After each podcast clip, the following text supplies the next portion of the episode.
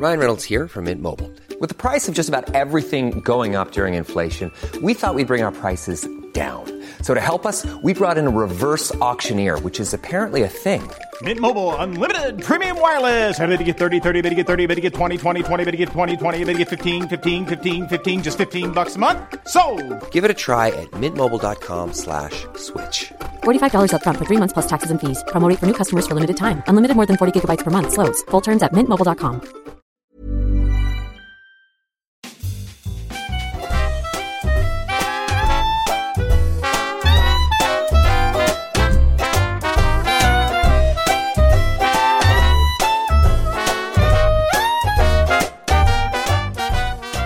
Varmt välkomna till ett nytt avsnitt av Fotbollskanalen Topp 5. Topp 5, Leo. Många topp 5-listor vi har gjort hittills. Ja, jag vet inte hur många det är, men det är väl kanske en 40 stycken. Ish, ja. ja.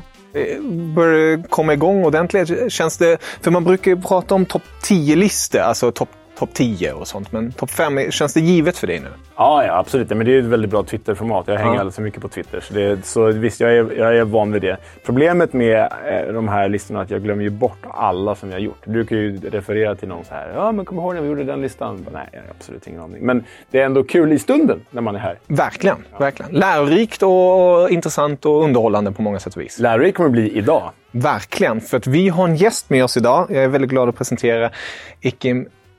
so Ah, sorry. Jag är så dålig. Kul om, kul om, man, eh, om jag får prata in det själv och så klipper du in mitt eget uttal. Du övade ju för...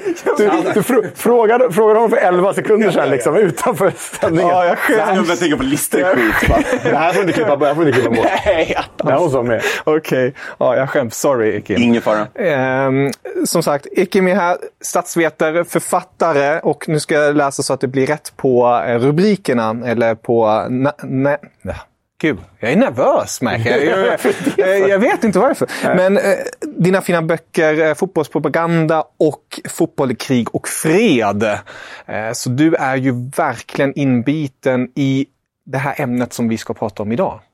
Ja. Skulle man kunna säga. Pratar fotboll men aldrig bara om fotboll. Det är väl lite den nisch jag har fått. Ja, och det är jäkligt underhållande, men framför allt lärorikt och intressant tycker jag. Ja, alltså jag har ju läst båda de här två böckerna och nu... Det är så konstigt med dig, för det, vad, vad, kan det, vad kan det vara? Kan det vara fjärde gången vi träffas? Ja. Alltså egentligen. Och ändå känns det som att vi är kompisar. Alltså så. Ja, men verkligen. Ja, eh, men så, så därför blir ju partisk när jag sitter och säger det, att det här är två helt fantastiska böcker.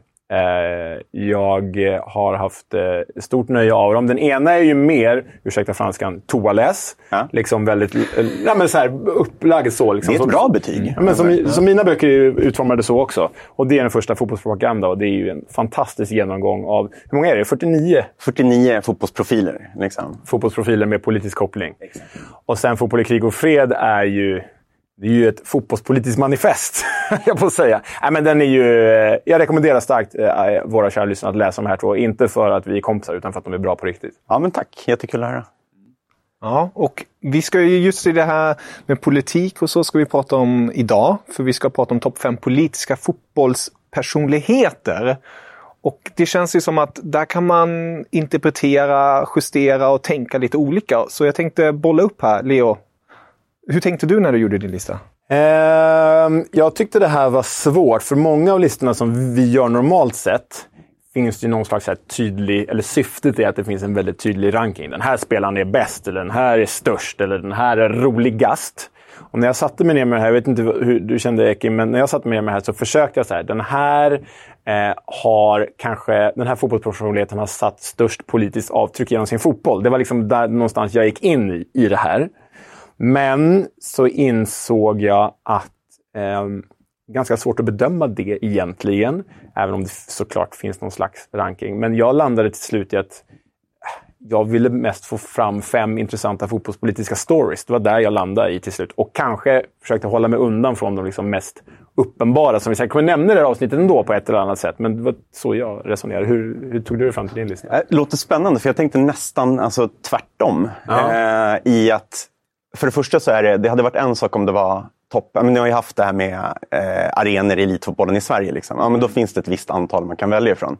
Det här är ju väldigt brett. Ja. Eh, man skulle ju kunna välja en politiker som har lite fotbollsbakgrund och göra ett case av det. Eller ta någon väldigt alltså, fotbollskopplad person som har uttalat sig politiskt. Jag har valt de namn som inte går att runda, men inte, alltså, och samtidigt försökt vara, eh, ta in någon överraskning kanske. Ja, kul. Eh, också tänkt faktiskt på politisk bredd lite grann, så att man inte bara hamnar i eh, liksom övervikt höger eller övervikt vänster när det gäller Extremåsikterna där. Ja. Ja, det blir ofta där man hamnar för att det blir tydligare då. Och då blir man kanske mer av en uppskriven politisk profil. Eh, det är inte lika roligt att skriva om en som röstar på ett mittenparti än om det är någon som är långt ut på vänsterkanten eller högerkanten.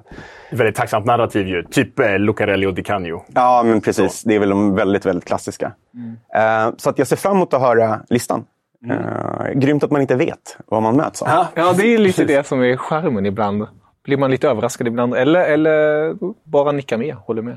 Hur, innan vi går in på listan skulle jag veta från din synpunkt, du är, som ändå är liksom Sveriges främsta expert på, på fotboll och politik. Ja, snällt sagt. Ja, men så är det ju. liksom. Eh, nio var tvåa kanske. Så. Men, men ehm, om du skulle liksom beskriva fotbollsklimatet idag. Eh, klubbar, spelare, tränare. Nu är det väldigt många som inte är öppna med sin politiska åsikt och så. Men vart slår det över idag? Finns det någon liksom tendens? Kan man se om det är åt höger eller åt vänster det lutar? Och, eller liksom är det geografiska skillnader? Vad, vad, är, vad finns det för polit, fotbollspolitiska tendenser? Eh, ska, ska man kolla de långa linjerna så skulle jag säga att de här ideologiska höger-vänster-frågorna, de är överhuvudtaget inte lika framträdande nu som de kanske var när man överhuvudtaget pratade mer politik. Alltså, när jag har grävt och tittat efter vilka som är de tydligaste profilerna, då hamnar man gärna på 60-70-talet. För att också politiska årtionden där samhällsdebatten fördes överallt. Nu skulle jag säga att de frågorna som kanske är mest framträdande, som ändå kan tolkas som politiska, som jag uppfattar som politiska, det är ju mer de här större kampanjerna som kanske är inriktade på mänskliga rättigheter eller om man går hela vägen till antingen kampanjer mot rasism eller hbtqi plus människors rättigheter, individers rättigheter som kanske drivs av klubbar eh, eller förbund eller ja, men, som Uefa kan ha en sån eh, kampanj till exempel. Men sen har det också kopplats till ja, men delvis frågor om sportswashing eh, som också hänger samman med hur man ser på frågor kring mänskliga rättigheter. Så jag skulle säga att de vanligaste fotbollspolitiska diskussionerna de rör sig i det fältet. Alltså värderingsfrågor som rör grundläggande mänskliga rättigheter. Eh, och där skulle jag väl ändå säga att det är fler som eh, står för eh, de här kampanjerna än de som är emot. Ehm, så det är väl en spaning. Och eh, en annan spaning skulle kunna vara att eh, det kanske är så, precis som du är inne på, att ja, men absolut, det är säkert väldigt många politiska åsikter som vi inte ser också. Men jag tror att den politiska insatsen i att komma fram med en politisk åsikt som faktiskt ja, men kanske eh, blir negativ för spelaren själv, alltså de konsekvenserna, kan bli så mycket större nu. Det är mycket mer på spel när det gäller sponsorer eller när det gäller eh, till exempel exponering på sociala medier och så. Så jag tror att det finns jättemycket under ytan säkert som skulle vara intressant att ta reda på eh, eller veta mer om. Men det är för mycket att förlora. Eh, Medan de här stora kampanjerna, det som ändå förhoppningsvis stora delar av mänskligheten faktiskt kan skriva under, de är ju eh, framträdande. Då. Det är ändå politiska frågor, som antirasism eller eh, att man ska få älska vem man vill till exempel. Där finns ju ändå några spelare som har liksom typ vägrat bära eh, regnbågsbindel och sånt där. Ju. Ja, det är väl de då. Ja, precis. Papegej och... Ja, vad hette han som gick från Feyenoord till Benfica? Turkiska spelaren. Eh, Orkun Kukcu. Eh, Exakt, ja. precis. Men det är ju några stycken så. Men eh, ja, det finns ju... Det är spännande. Oavsett vad de tycker, tycker det är spännande att dyka ner i sånt här ämne. Och som vanligt, gästen får alltid börja med sin femma. Plats fem. Min femma är, det finns, det finns ett namn som ska med på alla eh, fotbollslistor. Eh, det kommer inte att vara någon överraskning, eh, men den behöver vara med. Den största, Diego. Ja, Eh, Diego Maradona, som, alltså den, varför han är fotbollspolitisk profil. Eh, många av oss som eh, har en fascination för honom eller bara stött på honom vet ju att han var nära vän med Fidel Castro. Han har honom tatuerat på kroppen. Eh, vän med Hugo Chavez, eh, alltså radikala vänstertänkare. Eh, socialister, kommunister. Tatuering också av Che Guevara. Men anledningen till att jag tog honom det är också för att balansera någonstans mellan höger och vänster. För han har ju en bakgrund som inte bara är vänster, politiskt sett. Eh, det tycker jag är väldigt intressant. För han stödde eh, en mer högerlutande peronist som heter Carlos Menem. eh, tidigare. Men har liksom dribblat lite åt höger men ändå landat någonstans i vänster. Så för mig är han, både för att han är eh, en stor ikon. Alltså han, får ju, han gör ju avtryck genom att bara vara den här otroligt stora fotbollsspelaren. Men han har också gatans fotboll. Han slår alltid någonstans underifrån. Eh, så jag tror att följer man hans politiska utveckling så kanske det handlar om att han eh, tidigt kanske för att han var en stor idol. Eh, att det var många politiker som ville synas nära honom. Och då passade han på att synas nära honom. Eh, Medan han verkar ha gått in, de sista åren i alla fall, de sista decennierna, Eh, mycket mer på de direktpolitiska frågorna i till exempel ställningstagande mot eh, Iraks krig mot, eh, USAs krig mot Irak. Eller när det gäller kritiken mot pampväldet i Fifa. Så han slår ju underifrån och blir gatans fotboll i, visserligen politiskt vänsterskrud, men jag tror att han också är bara den här gamla, alltså den här första videon som man brukar se om Maradona. Eh, de här svartvita bilderna. En kille från gatan som älskar fotboll, eh, vill skänka glädje. Eh, han har liksom ett patos som inte nödvändigtvis behöver vara superpolitiskt, men han verkar vara den personen. Och den landar någonstans i någonstans upproriskhet. Det finns i hela hans person. Och jag kan tolka in det lite grann i politiken i alla fall. Så det är min femma. byggde väl också eh, bilden av honom kring honom. Alltså den förstärkte ju mytologi, mytologiseringen kring honom. Det är väl min känsla. Alltså hela den där politiska rebell, eh, rebelliska attityden som han ändå hade när han kom fram. Liksom. Att det känns som att det är ett extra lager på den störste. Eller hur? Alltså det gör honom ännu nej, större. det, absolut. Ja. Men det skulle jag säga. Det är ett djup på ett annat sätt också. Alltså det blir ju ja, mycket mer komplexare, om man säger så. Jämfört med kanske en, en, en världsstjärna som inte alls är politiskt insatt eller så. Bara, ja, som du är inne på tidigare, med att man, man är försiktigare med åsikter och tankar och sånt. Men han är ju, var ju en av de största genom tiderna och var ändå tydlig med vad, vad han stod och tänkte. Han brydde sig inte om vad någon tyckte. Och det är ändå häftigt Nej, att det, kunna det, göra det det. är befriande. Och det, det, det blir lite synd gentemot liksom den typen av spelare. Nu tar jag bara ett exempel här. Eh, Tysk koppling, Bayern München. Men Harry Kane, han kanske har jättemånga lager under sin fotbollsskrud. Liksom. Men eftersom att han är väldigt, Väldigt fint polerad. väldigt polerad och fyrkantig och inne i boxen och aldrig skulle göra något slags uttalande så blir bilden av honom gentemot Maradona då till exempel att gud vilken platt och ointressant person han verkar vara. Men han kanske är jättedjup, jag har ingen aning. Men då är en sån som Maradona roligare för att han är ute och öppen med, med vad han tycker och tänker. Och då blir man ju en profil och inte bara någon som har sagt någonting politiskt. Så att även om Harry Kane skulle uttala sig om vad han röstar på eller vad det nu skulle kunna vara, så skulle Maradona ändå vara min femma. Eh, snarare än Harry Kane. Ja. Jag eh, utgått från den kanske egentliga premissen här. Då tror jag att vi hade haft, eh, antar vi haft ganska lika listor då. För hade jag liksom tagit de liksom fem största, då hade Maradona också med på min lista. Nu säger jag direkt, han är inte med på min lista. För att jag, Det är bra. Du har gjort grovjobbet att ta oväntade grejer. Det är grymt. Jag tror inte för dig kommer inte vara så oväntade. Men min femma ehm, är en jänkare, en amerikan, eh, som har spelat i Allsvenskan. Eh, spelat i Örebro SK och i Helsingborgs IF. Och det är Alejandro Bedoya. Och vi, så här, nej, han är inte en av de största, men det politiska avtryck som han ändå satt nu de senaste åren i USA, tycker jag, eh, och som fotbollsspelare, tycker jag ändå är värt att nämna. Det är nämligen så att Bedoya eh, växte ju upp i Florida. Han kom till eh, Sverige, det var hans första utlandsproffs, hans proffs, första proffsäventyr, liksom, Örebro. Och jag intervjuade honom häromveckan och det är väl säkert ute för länge sedan när det här avsnittet släpps. Men, men eh, jag gjorde en intervju med honom kring liksom, hela det politiska eh, engagemanget. Och väldigt intressant spelare för i och med den moderna kontext han är i så blir han väldigt ovanlig för han är så extremt öppen och uttalad med sina politiska åsikter. Och när han var då i Örebro så insåg han att så här, varje gång det sker en mass shooting eller en school shooting i USA så frågar folk mig i omklädningsrummet vad det är som pågår i USA. Men det är väl normalt, tänkte han. Och så hamnade han i Glasgow Rangers, hamnade i Helsingborg, han hamnade i Nantes och insåg att så här, det här är återkommande mönster. Alla frågar mig vad är det som pågår i USA. Ja, det här är väl är det inte normalt, det är inte så här i andra länder, berättade han. Och så då var det en eh, en skolskjutning på en eh, high school där han växte upp i Florida 2018. Där eh, jag tror 18 människor bragdes om livet. Och då bestämde han sig för att jag kan inte vara tyst längre. Jag måste göra något åt det här. Så då började han använda sin, eh, ja, men sin plattform som amerikansk landslagsman. Han spelat VM, 60 landskamper. Han började använda sin plattform för att eh, eh ja, men, kräva hårdare vapenlagar i USA. Och eh, det här drogs till sin spets då 2019 när han gjorde mål för sitt Philadelphia Union mot DC United i Washington, symboliskt nog. Eh, varpå hans målfiende var att han sprang ut till sidan av planen, tog upp en mikrofon som i sig gick ut i PA-systemet. Så dels på arenan och även ut i tv-sändningen. Där han skrek, ska se så jag citerar honom korre- korrekt här. Hey Congress, do something! End gun violence, let's go! Ändå ganska, i en modern kontext. Det här händer ju inte liksom bland moderna fotbollsspelare. Så. Men det är också en uppslitande fråga i USA. Alltså man kan skaffa sig fiender bara genom att Ja. eh, tycka här. Exakt. Eh, det får man ju komma ihåg, tänker jag. Mm. Och han har ju berättat han har blivit väldigt bra uppbackad av eh, lokalpolitiker i Philadelphia, där han spelar. Philadelphia är väldigt utsatt för gun violence, då, en, av, en av de värsta städerna. Och han har fått väldigt bra stöd från lagkamrater och klubben. Samtidigt har han ju mordhotats av människor bara, du vet. Ran, massa random galningar som hör av sig. Liksom. Och utifrån det här har han insett att han tycker själv att han har ett ansvar för att han har en stor plattform. Så han liksom engagerade sig inför VM i Qatar. Så pratade med dem. Han fick inte åka med då, för gammal eh, och lite för dålig. Eh, men han pratade med sina amerikanska eh, landslagskompisar. Ni måste prata om problemen när ni är på plats.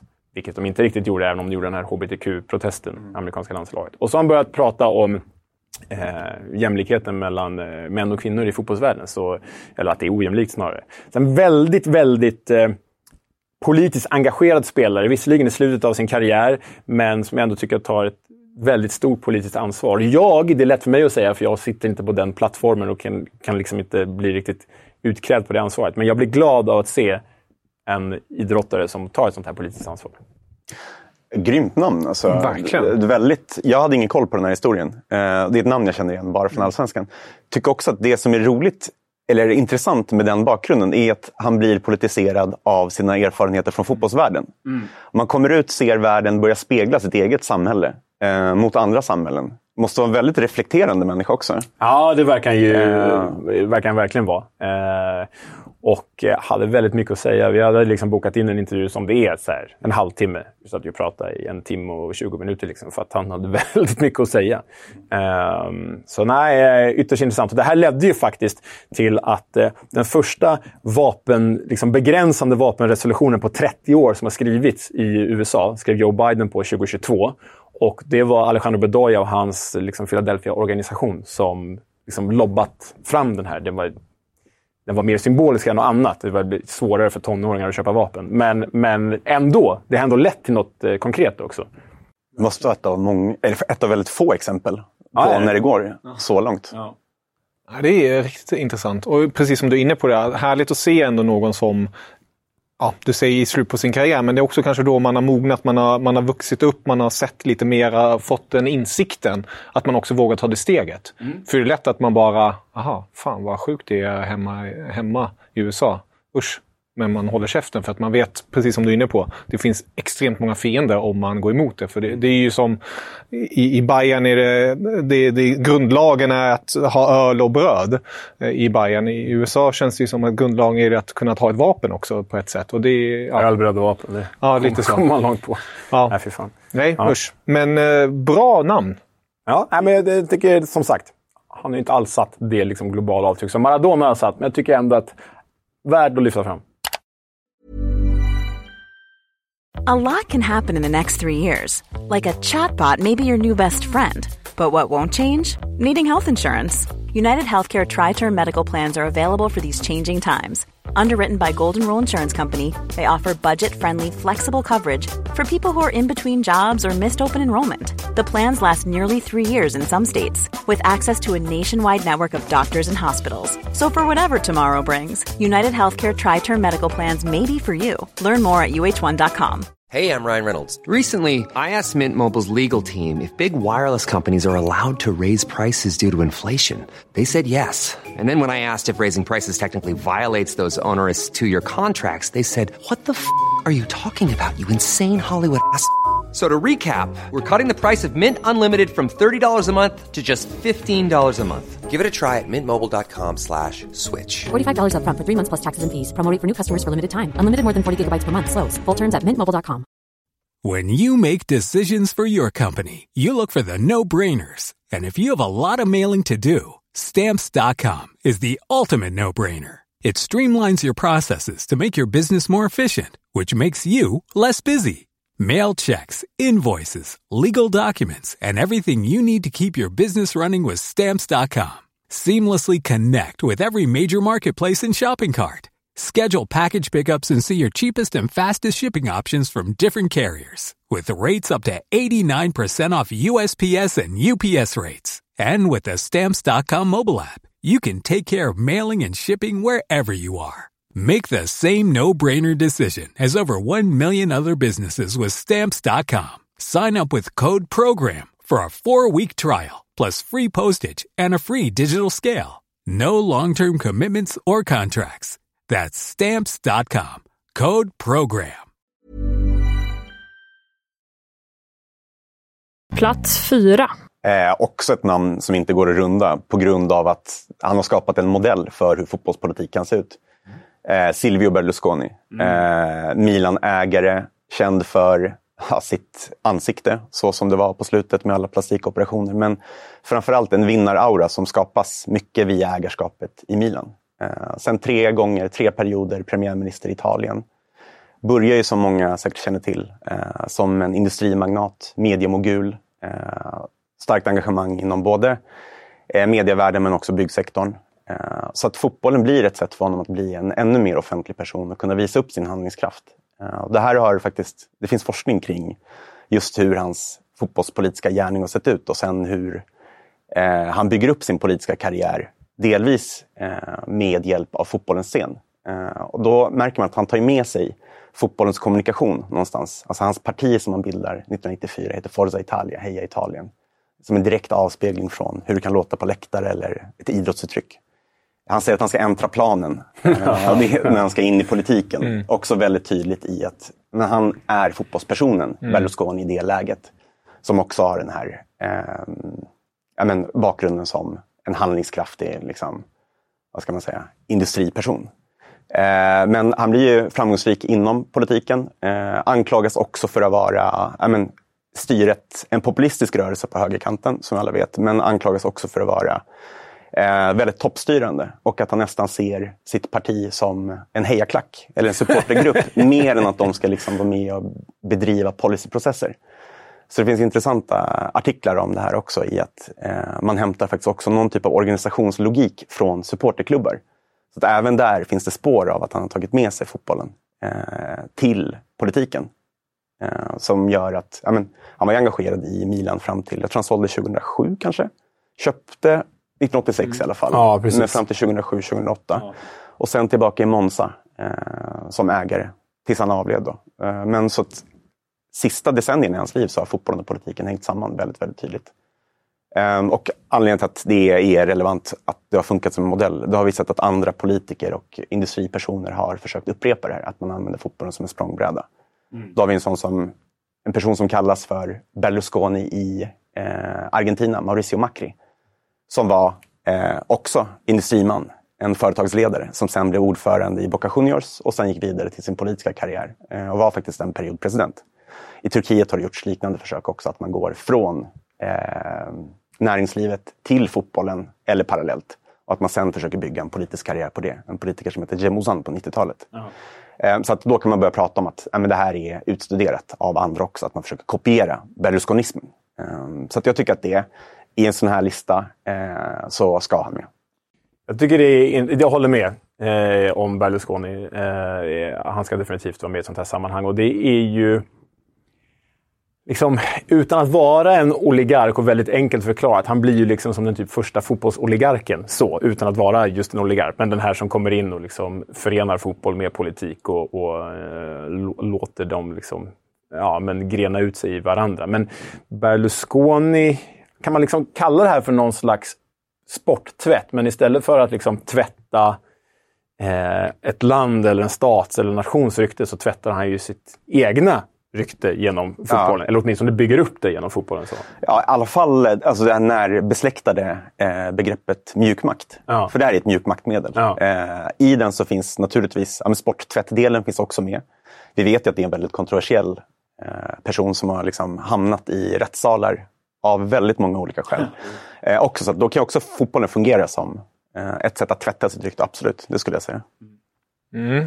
Silvio Berlusconi, som sagt. Ett namn som förmodligen kommer komma på flera listor av oss lyssnare. Av de som lyssnar helt enkelt. Ja, det tror jag verkligen. Det är ett, ett nästan måste-namn, precis som du var inne på det. Hittar vi honom på din eh, fjärde plats? Inte på min fjärde plats. Kanske senare. Vi får se. Ehm, jag känner att en grej man inte kan komma ifrån på en sån här lista, det är ju liksom eh, men den katalanska fotbollsidentiteten, de katalanska fotbollskampen. Och där finns det ju, det är bara att stoppa ner näven i den Barcelona-påsen, dra upp ett namn så hittar man ju någon. Liksom. Exakt så. och, eh, man hade kunnat ta Guardiola. Jag har valt att slänga in Oleguer Pressas i eh, den här eh, ekvationen. Och eh, för er som kommer ihåg det ganska dåliga Barcelona, Radomir Antic Barcelona. Liksom. Det var ju där, där Oliger kom fram som en La Masia-produkt. Eh, och han var väl ganska begränsad för att vara en Barcelona-spelare. Så. Men gjorde matcher, startade i Champions League-finalen 2006 till och med. Men han var ju nästan alltid mer en katalansk förkämpe än en fotbollsspelare för Barcelona. Även om han liksom förenade de två något otroligt. Eh, och jag vet inte, det här vet ju du Ekim, men jag vet inte om, jag ställer frågan till dig, har någon liksom fotbollsspelare brunnit mer för sin sak än vad Olle Gehr har gjort? Alltså, ja, inte katalanismen kanske, men det finns ju motsvarande i andra kontexter. Det skulle jag nog säga. Men eh, det som blir intressant, det är du inne på också, det är att han är 100% aktivist för sin sak. Ja. Men som fotbollsspelare kvalitetsmässigt, absolut inte 100 procent. Eh, alltså han är bland de eh, sämre i ett redan ganska svagt Barcelona. Ah, ja. Så den skillnaden gör att han blir framträdande på ett helt annat sätt än ifall man skulle vara... Men det finns ju de här baskiska spelarna på 70-talet som eh, liksom, på ett motsvarande sätt, fast i en annan liksom, kontext inom Spanien, eh, också står för manifestationer och sånt där. Men i en Spanien-kontext eller med liksom, de olika delarna av landet. Ja, det kanske är Oliver ändå. Jag kommer inte på någon som är mer Barca och katalanism i alla fall. Nej, för det, det, är ju, det är ju klart mer än... Även om Guardiola också, visst, hans katalanism ska man ju inte ifrågasätta. Men Oleguer är så här, alltså bara som exempel. Han, liksom, samtidigt som han spelade så eh, pluggade han ju ekonomi för att liksom kunna ta avstamp i någon slags politisk karriär efter den fotbollsmässiga karriären. Men så skrev han en bok tillsammans med den katalanska poeten Roc Casagran, med reservation för det uttalet. Eh, och den boken heter Vägen till Ithaka och det är alltså en analogi där han jämför Odysseus jakt på hemmet Ithaka med den katalanska självständighetskampen. Liksom. Så det här gjorde han som aktiv spelare, 25-26 år gammal. Det, är ändå, det står ju ut. Liksom. Det gör det verkligen. Han betalar ett pris för sitt engagemang också. Det var i något annat sammanhang som han faktiskt blev av med sponsorkontrakt. Ja, just det. Precis. Eh, ska se om... Eh, eh, han, ja, men exakt. Han, han var väl nästan tvungen att lämna Spanien, men då han flyttade till Ajax. Alltså, mycket väl han blev ju så... Eh, han blev ju hotad för sin liksom, katalanism egentligen. Och står ju för liksom, den katalanska självständigheten. Och så här. Han har liksom tillägnat mål till en 14-årig pojke som arresterades för att han satte upp eh, affischer som kritiserade Sabadells centralmaktsvänliga borgmästare. Alltså han har hela tiden hittat sådana poänger. Ehm, han jämför liksom den eh, Barças ligatitel 2005 med de katalanska partisanerna som kämpade mot, fasci- eh, kämpade mot fascisterna under 30-talets inbördeskrig. Alltså han är inte sen på att dra sådana paralleller. Att fortfarande i det här liksom moderna, för 2005 är ju ändå modern fotboll, Ja, herregud ja. så drar han de liksom inbördeskrigs... Eh, Referenserna. referenserna. Det är, äh, det är en eh, intressant figur på många sätt. Visst känns han som en person som man skulle kunna se i något så här rough kvarter i Barcelona. Går ut från en punkspelning och tar en cigg eller något. Ja, ja, ja. Han är ju han är ju alltså antikapitalist också. Han åkte ju till träningen kommunalt eller i en grå skåpbil medan alla andra åkte liksom sina superbilar och så. så det är en, Grå skåpbil också. ja. Nej, men han har hållit tal på EU-protester och liksom betalat flera Manu Chao-konserter för Manu Chao är politiskt budskap också. Så väldigt engagerad i den katalanska kampen. Grymt namn ju. Mm, ja, det är riktigt bra. Lite, lite som du var inne på där, alltså att man, han, gick, han blev fotbollsspelare kanske för att bli, få plattformen. Ja, Va, va, jag kan ju det här rätt så bra. Jag kanske når till en nivå så att jag kan nå ut till fler. Eh, vem vet? Eh, men ja, eh, väldigt intressant namn. Är det någon du hade i åtanke när du gjorde din lista? Nej, alltså tanken slog mig inte överhuvudtaget. Han är med i din bok ju. Ja. ja, men det är han. Eh, så jag känner igen, alltså den, eh, inte alla de här detaljerna, men känner igen en del av hans bakgrund. Och hör man Oliger, då är det så här, de gånger man spelade fotboll manager, säg 2005, då var det bland det första man sålde av. Liksom. Ändå re- relativt högt pris för den liksom, kvaliteten. Tackling kanske 12-13 på sin höjd. Men eh, så som man minns honom, det är absolut politiken mer än någonting annat. Du nämnde Pep Guardiola där. Hur eh, tänker du där? Skulle han, var han nära på också en sån här lista för dig? Nej, alltså, om- jag, som sagt, om jag tog upp en gubbe ur Barcelona-påsen så blev det Oliger. Guardiola får stå bakom. Plats tre. Det är ju Leos namne. Eh, då vet ni ju precis vem det är. Finns en Jägerskiöld Welander på din lista? Det är du! Du spelar väl... Exakt. Nej, Nej, men Kai Leo Johannesen. Också ett namn som inte går att runda. Eh, han har ju slagit någon sorts världsrekord. Eller han har slagit ett världsrekord. Eh, genom att vara den första regeringschefen som också har spelat i sitt lands landslag. Nu är på Färöarna. Vi är på Färöarna. Det kanske säger en hel del att man kan vara båda de här grejerna. Eh, för han spelade ju väldigt långt in på, alltså in på mandatperioden så kunde han ju spela i eh, reservlaget för HB Torshamn som var hans klubb. Eh, det är väldigt stort. Men eh, så här, eh, han är ju den största profilen. Nu har de liksom Klaxviksgrejen. Eh, det har ändå varit lite mer i svenska sammanhang lite mer drag, lite mer intresse. Också på grund av att, ja, men kanske sen Ken Fagerberg-värvningen bort till Färöarna. Att man har liksom fäst blickarna lite mer än vanligt mot Färöarna. Eh, men den här personen är ju alltså världsbäst i någonting. Och det är att han är först med någonting. Och det är väl det enda som Färöarna kan säga att de är bäst på. I någonting. Alltså det är både en politisk skalp men också en fotbollsskalp. Ja. Skulle jag säga. För det är ofrånkomligen så att om det bor 50 000 personer. Eh, då är det här bland de få grejerna som man kan konkurrera med. Misstänker jag. Eh, jag vill inte låta taskig. Det är ett av mina drömresmål också. Jag har inte varit där men skulle väldigt gärna vilja åka dit. Du är två. Ska vi Ja, boka kan en köra. Ja, vi kör. Topp fem-lista med någonting från Färöarna Ja. också kanske. Precis. Ja, men för mig är det stort eh, att det här överhuvudtaget fanns. Jag varit väldigt glad när jag första gången hörde talas om den här personen. Eh, sen bara som politisk bakgrund. Eh, Center-höger-politiker. Eh, EU-vänlig. Eh, och som faktiskt, om man går in tillbaka till fotbollsmeriterna. Han satt ju faktiskt på bänken i Färöarnas största bragd. När de vann mot Österrike 1990. I Landskrona? eller? I Landskrona, ah, exakt. Ja, ja, han var med då? Alltså. Ja, eh, har för mig att man kan se honom på Youtube sitta på bänken.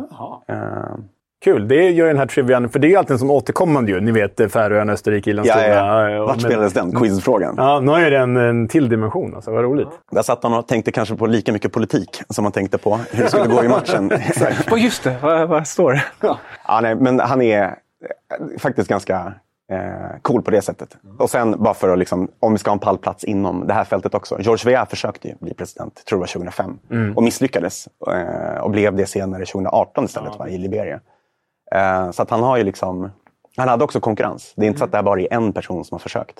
Eh, så att, nej, Kylie Johannesen. Före pallplats. Före VA. Det är stort Det, ändå. det är väldigt stort. Det är ju också ett namn som eh, bör nämnas i, i det här sammanhanget. Ja, ja, verkligen. Ja. Verkligen så. Liksom, om man skulle väga in storhet så. Men först, man köper ju den premissen. Alltså. Ja. Bra, bra, den var rolig. Liten för ja, Färöarna, all respekt, men det är inget... Ja. Kul! Du tycker att Sverige är en liten nation. Ja, precis. Du får inte jämföra allting med Tyskland. Ja, jag har fått mycket skit för den, men ja, jag, jag, jag, jag står, jag ska, står du för ha, det. det ska du ha också. Vem hittar vi på din tredje plats? Nej, men eh, fotbollen har ju varit så eftersatt på många olika sätt, men framförallt, eller kanske bland annat framförallt för, för eh, kvinnornas situation i densamma. Alltså, det är ju först nu på senare år som vi vet som att de här liksom stora internationella mästerskapen slår tittarrekord. Det kommer 70 000 att kolla på spanska cupfinaler. Det är stort intresse för damfotbollen generellt.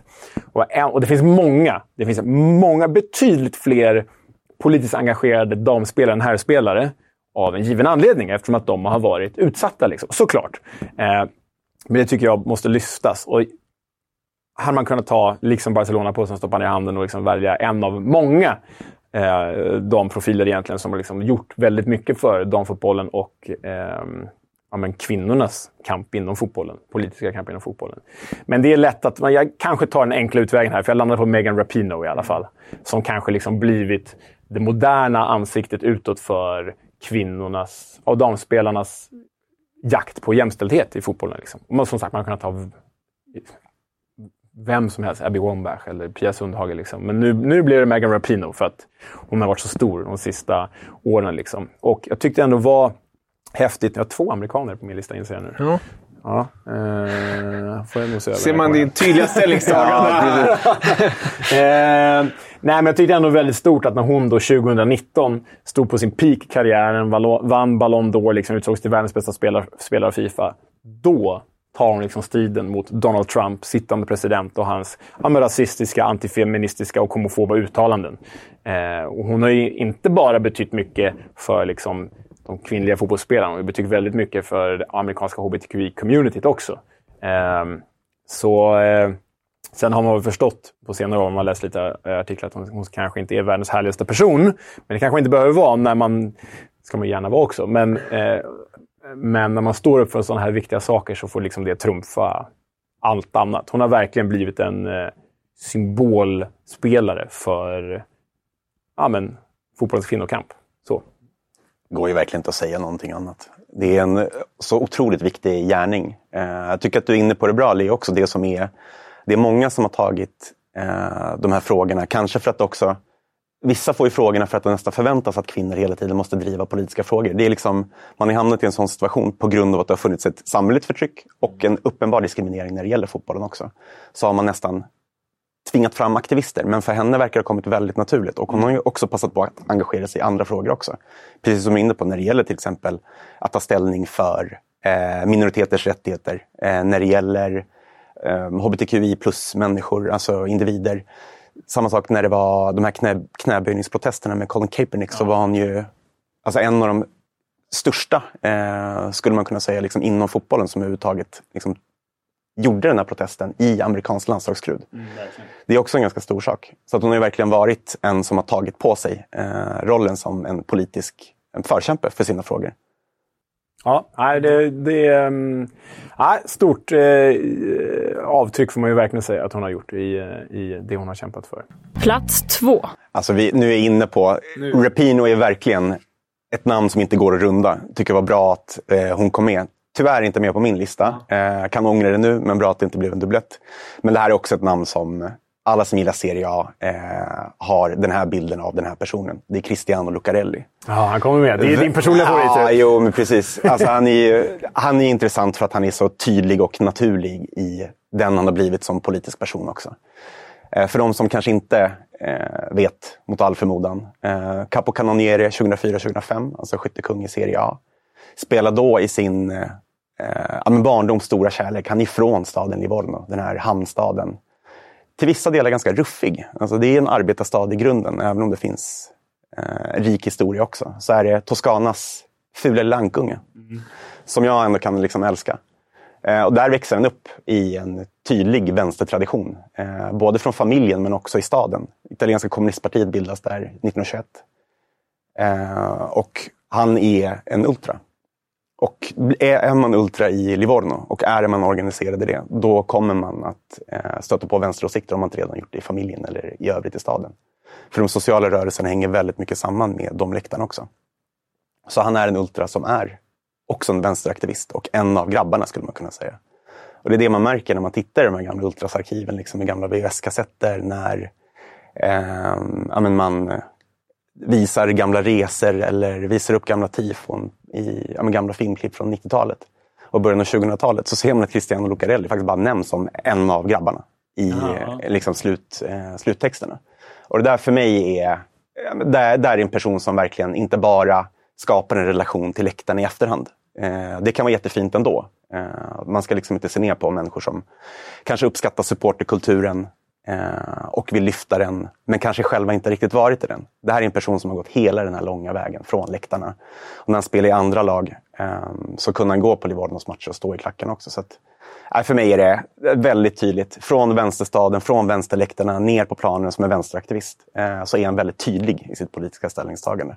I ett väldigt högerorienterat fotbollsitalien. Ja, och det var ju också en av få spelare som faktiskt har eh, blandat in ideologi i Eh, det sportsliga läget. Alltså, Livorno spelar ju för första gången i Serie A på över fem decennier, när de var uppe i 2004-2005. Mm. Eh, och då när de sladdade liksom, i tabellen i början av säsongen, då sa han att men vi får inga fördelar av domarna. Det är på grund av att vi är kommunister. så fick han ta tillbaka det där, men han gör ju politik av allting. Så att, han är ju lika mycket politisk person. Sen har han ju några landskamper liksom, i Italien. Eh, men han är lika mycket politisk person som han är en fotbollsspelare, skulle jag säga. Han var ju fenomenal spelare också. Jag pluggade ju i Florens när han hade sin prime där, i Livorno.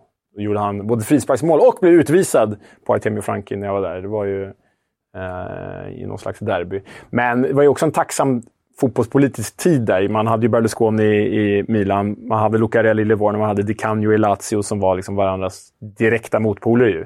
Ja, men det, det var ett politiskt derby. Alltså när Livorno mötte Lazio. Ja. Absolut. Um, så det är väldigt intressant att det ändå getts utrymme för det i Italien. Ju.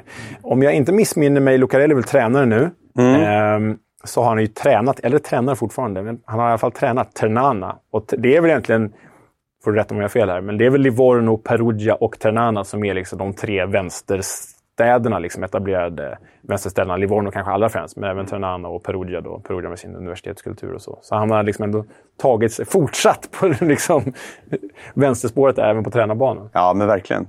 Ja, det är häftigt. Ehm, Det är ju verkligen någonting när man när man är så, precis som du är inne där, man är uppfostrad inom en form av kultur och bara följer den banan rakt ut och sen också ut på fotbollsplanen. Det är, nej.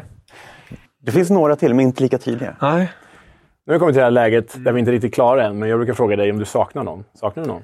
Alltså, det, det, det, det är så många namn som, som har någon form av politisk koppling. Och jag som tysk måste ju ändå då, då lyfta en... Han kanske kommer på er första plats, jag vet inte. Men jag tänker på en som Mesut Özil är ju en spelare som eh, har verkligen ja, en politisk koppling nu för tiden. Eh, var inte alls, alltså, jag är ju inte alls så insatt i, i det politiska spelet som ni är, speciellt du Ekim.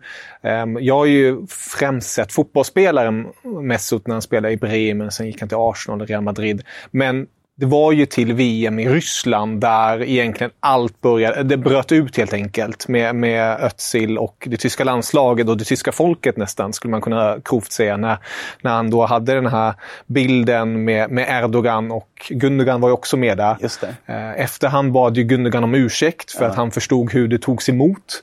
Eh, Mesut gjorde ju aldrig det och det blev ju aldrig något Tyskland mera för Özil efter det. Eh, och där, där finns det ju mera, och kommit upp mer ännu mer med hans tatueringar på kroppen och så. Så det är... Erdogan som bästman med hans bröllop. Exakt, Ja, är- som bäst med på hans... Alltså det, Ja, det, är han är Erdogan-vän. Alltså Ja. politiskt sett också. Precis. Och en propaganda, eh, ett propagandaverktyg för regeringen skulle jag säga. Exakt. Och hur, hur ser... Var han på din...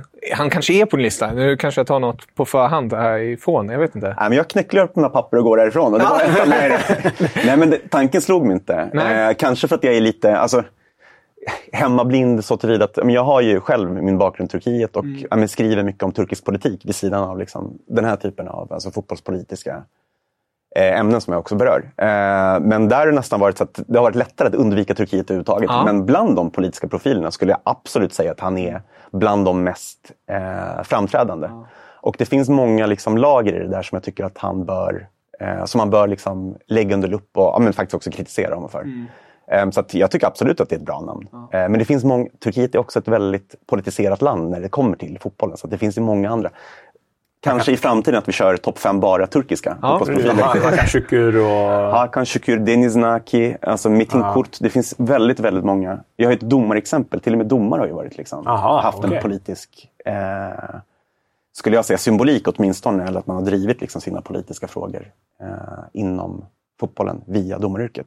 Eller att det har blivit så. Så att, eh, jättebra namn att bolla upp tycker jag. Eh, kan faktiskt tycka att han saknas lite grann. Också som ett bra exempel. Nu är Leo bättre än mig på det där. Han tar ju lite mer färska exempel. Det blir alltid lite mer intressant. Jag är mer tveksamt. bläddrar bland så här dammiga böcker och Ja, hittar... det, det är trevligt. Det må, man, Det måste, man måste Det ta upp historia för att lära sig också. Özil kan ju många relatera till, så Mm. det blir intressant på ett annat sätt. Verkligen. Ja. Men om vi då blickar mot... För nu har vi kommit till ettan, eller hur? Nej, det är tvåan. Det är Ja, tvåan, precis. Ja, eh, men vi håller oss kvar i Serie A. Och jag hade faktiskt inte Lucarelli för jag misstänkte att du skulle ta honom. Enbart av den anledningen. Och jag, därför tog jag inte heller Di Canio, för jag visste att vi skulle komma in på honom genom Lucarelli. Eh, hade ju liksom platsat på en sån här lista också, så givet, det, givet hur extrem han var i sina åsikter. Men, eh, nej, men jag har valt en fransman i Serie A som har liksom, jag tror att han är i Stockholm idag när det här spelas in faktiskt. Eh, jag borde ha haft honom som gäst i ett annat, i ett annat sammanhang. Men eh, det är väl Lilian Thuram som jag vill lyfta fram som har blivit, inte blivit, utan han har varit, fast man kanske inte visste då, men han har länge varit politiskt aktiv ju. Eh, kämpat mycket för eh, utsatta minoriteter i Frankrike och gud ska veta att det finns många utsatta minoriteter i Frankrike. Eh, varit liksom väldigt uttalad kring eh, ja, men polariseringen mellan, eh, inom citationstecken då, liksom, eh, ja, men eh, det vita Frankrike och det inte vita Frankrike. så. Han har ju stått upp för, för alla med utländsk bakgrund egentligen i Frankrike. Både som fotbollsspelare och nu efteråt när han liksom turnerar och föreläser och så. Eh, redan 2005 så deltog han ju i en politisk debatt. Eh, då spelade han väl, spelade han i Juventus fortfarande, eh, med Nicolas Sarkozy. Var, och Sarkozy skulle komma att bli ehm, statshuvud i Frankrike sen. Det var han väl inte där och då. Men eh, då kallade Sarkozy invånarna i, i liksom, de franska förorterna för getto av skum. Just det. Varpå ledaren Thuram sa att eh, varken jag eller någon av de andra som kommer därifrån är getto av skum. Bara det är ju symboliskt starkt så in i helsike i en sån debatt. Och eh, två år senare då, så när Sarkozy eh, hade kommit till makten, så erbjöd han Thuram tjänsten som jämställdhetsminister. Och då gick Thuram ut i fransk media och sa att jag tänker inte bli någon politisk nickedocka, framförallt inte för Nicolas Sarkozy. Det är, det är starkt alltså. En, integritet. Integritet. Och vi pratar ju om ja, men en av Frankrikes, nu har ju de en stolt fotbollstradition, men vi kan väl ändå säga en av deras 20 största fotbollsspelare genom tiderna. Är det inte den som har hävda. flest landskamper? Eller är det någon, någon som det är nog Thuram, ja. Det stämmer. Mm. Bra. Avgör en VM-semi. Alltså topp ja. 10 kanske till och med. Ja, exakt. Eh, och sen när, för, kan det vara 8-10 år sedan, när Laurent Blanc, det är 10 år sedan nu, Laurent Blanc var förbundskapten. De var ju gamla lagkamrater i landslaget, de stora framgångar tillsammans. Då kom det fram de här eh, liksom inspelade ljudfilerna när Laurent Blanc och några andra, jag kommer inte ihåg vad de hette, de var assisterande tränare i det franska landslaget. De pratade ju om att eh, man måste stöpa om den franska fotbollen så att man inte behöver förlita sig på så många svarta. Mer eller mindre var det det de sa.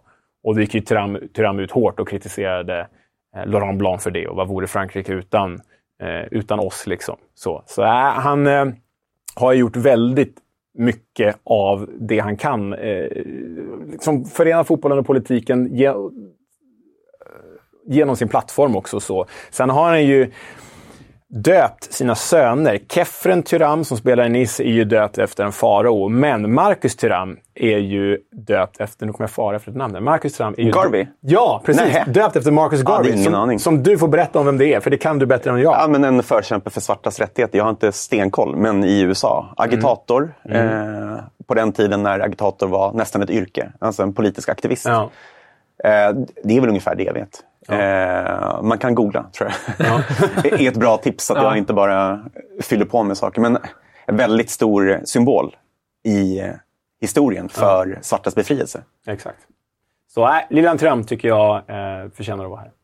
Bra, bra shout och bra namn, verkligen. Och väldigt aktuellt, återigen. Mm. Någon du hade på näthinnan? Eh, ja, så har jag skrivit om mm. hela den här. Det finns så många otroligt intressanta lager eh, i Turams gärning. Jag tycker du sammanfattar det väldigt bra. Det här är Turam för mig också. En grej jag tänker på också är att det här är verkligen en av de spelarna. Nu tack och lov så håller jag med Turam i eh, nästan precis allt jag hört honom säga. Och det han står för. Men skulle man ha honom som politisk motståndare skulle det nog säkert vara en mardröm. Alltså, han var ju en otrolig back. Eh, jättefin försvarare. Men han känns också som en liksom, motståndare i politiken som man inte vill ha. han är knivskarp i sina analyser. Eh, väldigt liksom, ja, men, tydlig, rak och ja.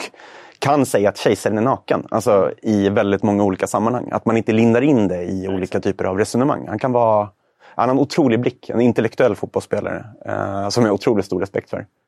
Varför tog jag då inte honom på min egen lista i det den, den tjänst jag kommer lämna den här studion Han är en hedersplats kanske? Ja, nej, men precis. Ja. Han är för stor för listan.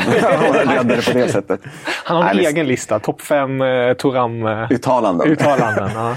nej, men otroligt bra namn. Mm. Men om vi då blickar på din första plats. Vi har ju nämnt en hel del namn nu redan. Eh, vem får chansen? Eller vem får chansen? Vem, vem tar platsen enkelt sagt? Eh, det är en person som faktiskt har eh, betalat, alltså som har varit modig. Betalat dig? ja, precis. ja, jag råkade avslöja det. Det var synd.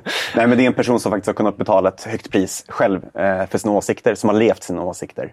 Det tycker jag har varit viktigt i att eh, lyfta fram vem det här kan vara. Det är en person som är politisk i grunden eh, och som har använt fotbollen för att visa vad den här personen menar. Och det är Sokrates, eh, den riktige. Eh, en rebell, liksom sett till hur han agerar. Eh, som spelare den här perfekta kombinationen av ändå kraftfull, men också väldigt elegant.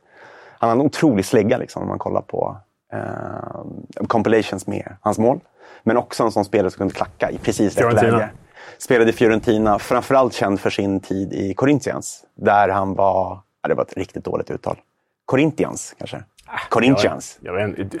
Portugisiska, det är... Nej, Nej. portugisiska. Också mm, ja, men där han gjorde sitt namn. Eh, och vid den här tiden, så, när han är verksam eh, som ja, men en elitspelare, stor landslagsstjärna, största stjärnan också i detta Corinthians, så är han också, så verkar han i en militärdiktatur. Eh, och di- militärdiktaturerna vid den här tiden i Latinamerika, som många vet, är ju blodbesudlade regimer. Eh, som hittar både verkliga och inbillade fiender och förintar dem, eller torterar dem, eller liksom, i alla fall stryper hela civilsamhället i, till fullo. Då är ju eh, Sokrates en av dem i Corinthians som vill ha liksom, en kulturförändring, en strukturförvandling inom klubben som ska lyfta fram eh, demokrati som eh, ett ledord i hur man agerar i klubben så att fler ska bli delaktiga i de olika besluten. Och det här går under namnet Demokratia Korintiana som blir en symbol. Eh, man tar makten i klubben och man ser till så att spelarna har mer inflytande, att klubbpersonalen har mer inflytande. Och man börjar också använda det som ett slagord på tröjorna. Och det är ett sätt för att både visa att demokrati funkar i den här klubben, men också ett sätt för att underminera eh, militärdiktaturen. Så man är också med i kampanjer, det här blir en stor sak naturligtvis. Eh, det finns också ett progressivt följe kring Corinthians, det är liksom folkets klubb. Som gör att det här kanske landar väldigt bra i de sammanhangen också. Som gör att Corinthians blir en folkrörelse för demokrati, mer eller mindre. Inte bara tack vare Sokrates, men han är den tydligaste profilen för det. Så att i ett sådant sammanhang, som vi vet på 80-talet så återinförs demokratin i Brasilien. Eh, och det är väl få som... Ingen skulle säga att det är Sokrates eller Corinthians som har skapat demokratin. Alltså det är väldigt många andra rörelser och personer som har dragit ett mycket större lass, säkerligen. Men inom fotbollen så var det någon som var och en grupp kring den här personen som var beredd att betala ett väldigt, väldigt högt pris. Potentiellt det högsta priset. Eh, genom att ta de här... det är extremt modigt i, det, i dåtidens Brasilien. Alltså, det är Verkligen. extremt modigt. Eh, och att jag bara tänker ur liksom den brasilianska regimens... Det, man tänker så här, varför ströp de inte det här tidigare? Men det, var ju, det blev ju omöjligt. För det, alltså Corinthians är ju kanske näst största klubben i hela Brasilien. Det är bara Flamengo som är större egentligen. Ja, Och Sokrates var ju som fi, det snudd på omöjligt att gå på en sån populär figur. Liksom. Det, det är ju, bara det är politiskt självmord. Eh, så det betyder ju oerhört mycket och jag känner att när du liksom säger så, här så det är klart. Hade, det är klart han ska med på en sån här lista. Alltså han ogiltigt förklarar hela min lista. Så. Men det är också, nu har vi pratat om det som verkligen är eh, men, hans politiska gärning. Eh, den respekt man ändå har för liksom, människor som faktiskt vågar kämpa i svåra tider. Men om vi bara tar det här ytlig också. Alltså, Sokrates som han ser ut, han ser ju ut som den vänsterrebell han faktiskt var. ja, också. ja, verkligen. Eh, så det är väl, vet man inte hur han ser ut, googla honom så kommer ni se vilken politisk kant han tillhör också. Eh, men ja, han dog ju 2011, eh, tyvärr. Eh, många menar ju, alltså den medicinska beteckningen blir septisk chock, men många vet också att ja, men han rökte, han gillade det goda livet. Så antagligen så påskyndade det processen. Men när han hade dött eh, så vet du också att alltså, det blir någonstans att cirkeln blir sluten när Corinthians vid nästa hemmamatch står med knutna nävar vid mittcirkeln eh, och säger farväl eh, till sin gamla ledare. Inte bara stjärna, utan ledare. Eh, tycker jag var otroligt symboliskt. Så att, nej, för mig solklar detta. Ja, Riktigt fint. Det, är, det här var ett riktigt underhållande men framförallt extremt lärorikt avsnitt tycker jag. Eh, vi är inte mål vi är inte ännu. Vi är inte mål ännu. du ska få recitera allt det här sen. Jag vet, men, men, men det är bara, eh, jag måste bara säga det nu. Det är jäkligt kul att höra. För det är ju, man, jag har ju inte varit så insatt i det politiska när det kommer till fotbollen.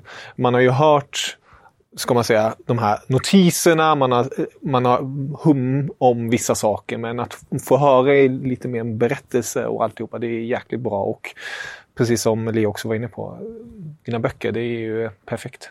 Att ta del av ännu mer.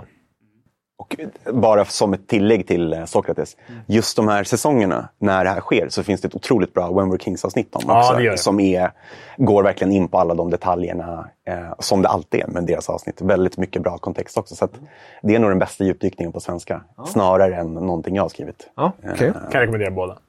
Ja. Ja, tack. Men Leo, vem, vem hittar vi då på din första plats? Nej, men jag, jag brottades lite med... Liksom, det har ändå varit ganska många fotbollsspelare som varit ute nu och eh, eh, kämpat för sin ukrainska sak. Jag har ingen ukrainare på första platsen. Mm. Jag tänkte bara att det var kanske värt att nämna Oleksandr Zinchenko här, Roman Jarmchuk, Andrei Shevchenko som ändå använder sina fotbollsplattformar i en kamp, politisk kamp för överlevnad, för ukrainsk överlevnad egentligen. Eh, tycker jag vi bara ska nämna här i sammanhanget när vi ändå har chansen. Liksom. Eh, men min första plats kommer från Kalmar och det är Lasse Johansson. Nej. Enda, ja, var han kommunalråd? Han var, han det var han väl, socialdemokratisk kommunalråd. Oväntat. Enda fotbollslistan han toppat, eller? Nej, det är inte Lasse Johansson. Nej, min första plats har du redan dragit och det är Silvio Berlusconi. Jag, jag håller nog inte med honom om mycket eller mycket det han stod för. Varken det fotbollsmässiga eller det politiska. Men eh, det avtryck som han satte rent fotbollspolitiskt, eh, som du var inne på, har ju många tagit efter och format hela den moderna fotbollen egentligen. Så eh, därför hade jag honom på första plats. Bra att du hade honom på första plats, för du sammanfattar exakt det man... Det räcker med att säga precis det du sa. Det var den bästa sammanfattningen. För hans betydelse. Ja, riktigt bra. Två fina listor. Och jag är väldigt glad också att de var olika. Alltså att det bara var den här Berlusconi som, eh, som gick som flöt samman där. Som flöt ja. samman där helt enkelt. Annars... Omöjlig att runda. Ja, ja verkligen. Det, det är jäkligt svårt att runda. Mm.